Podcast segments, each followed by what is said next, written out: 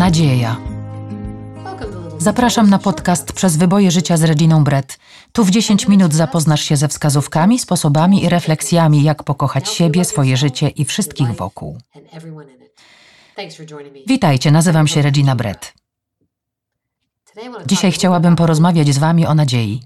Czasem przytłacza nas całe zło, które dzieje się na świecie.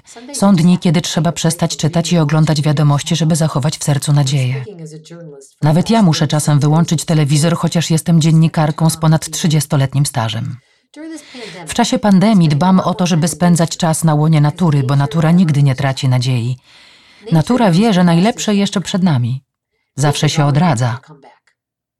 Zimą drzewa wyglądają na martwe, ale drzemie w nich nowe życie, uśpione do wiosny. A skąd ty czerpiesz nadzieję? Zawsze radzę innym, żeby zrobili listę takich rzeczy i uzupełniali ją regularnie, żeby z każdym dniem stawała się coraz dłuższa. Mój przyjaciel Kevin jest księdzem katolickim i co roku na Wielkanoc pisze kazanie o tym, co daje mu nadzieję. Urządzamy sobie wtedy burzę mózgów i często spisujemy swoje listy. Oto fragment mojej. Co daje mi nadzieję? Pierwszy przebiśnieg, który kiełkuje wiosną. Pączkujący bez. Zapach hiacyntów. Ptasie gniazdo pełne maleńkich niebieskich jajeczek. Widok pierwszego motyla w roku. Podwójna tęcza. Trudno nie czuć nadziei patrząc na tęczę. Kobiety w ciąży i rozchichotane panny młode. Paluszki noworodka, kiedy powoli się rozprostowują, dmuchawiec, który wyrasta z betonu, wychylając główkę do słońca.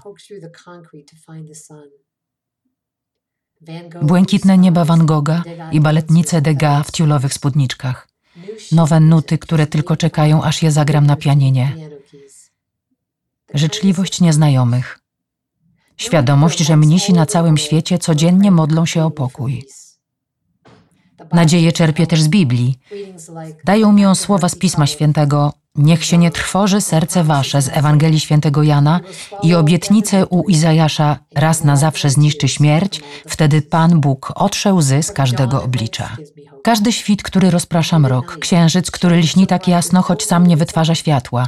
Ktoś kiedyś powiedział, nie musisz być w pełni sił, żeby bił od ciebie blask. Księżyc lśni nawet wtedy, gdy nie jest w pełni. Co daje mi nadzieję? Moneta znaleziona na ziemi. Życzenie wypowiadane w myślach przed zdmuchnięciem świeczek. Dziewczynka w olśniewająco białej sukience komunijnej.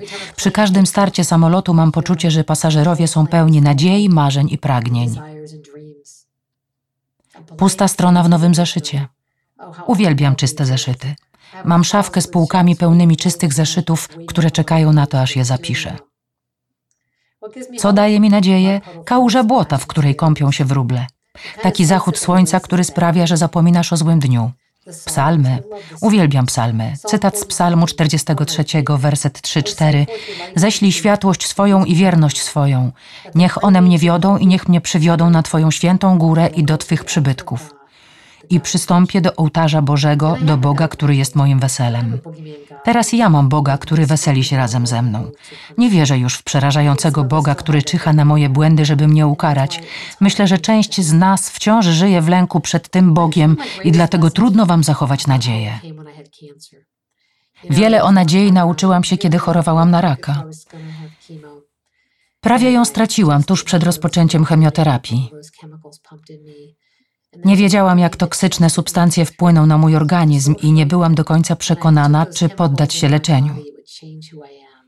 Może zabrzmi to dziwnie, ale obawiałam się, że przestanę być sobą.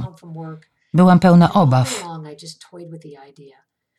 Pamiętam, że któregoś dnia bez końca zastanawiałam się, a może zrezygnować z chemioterapii? Może po prostu nie pójdę?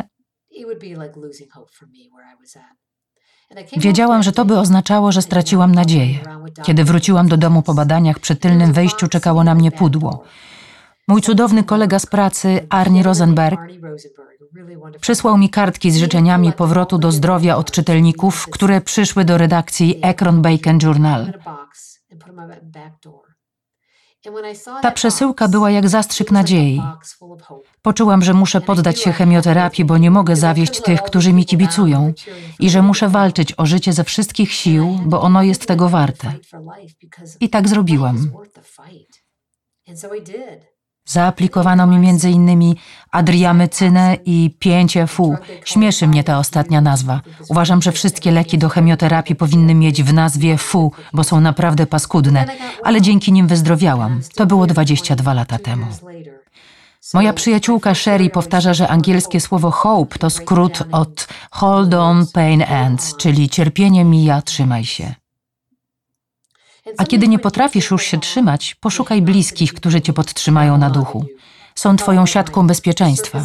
W cyrku taka siatka chroni akrobatów przed upadkiem. Bez niej nie mogą występować.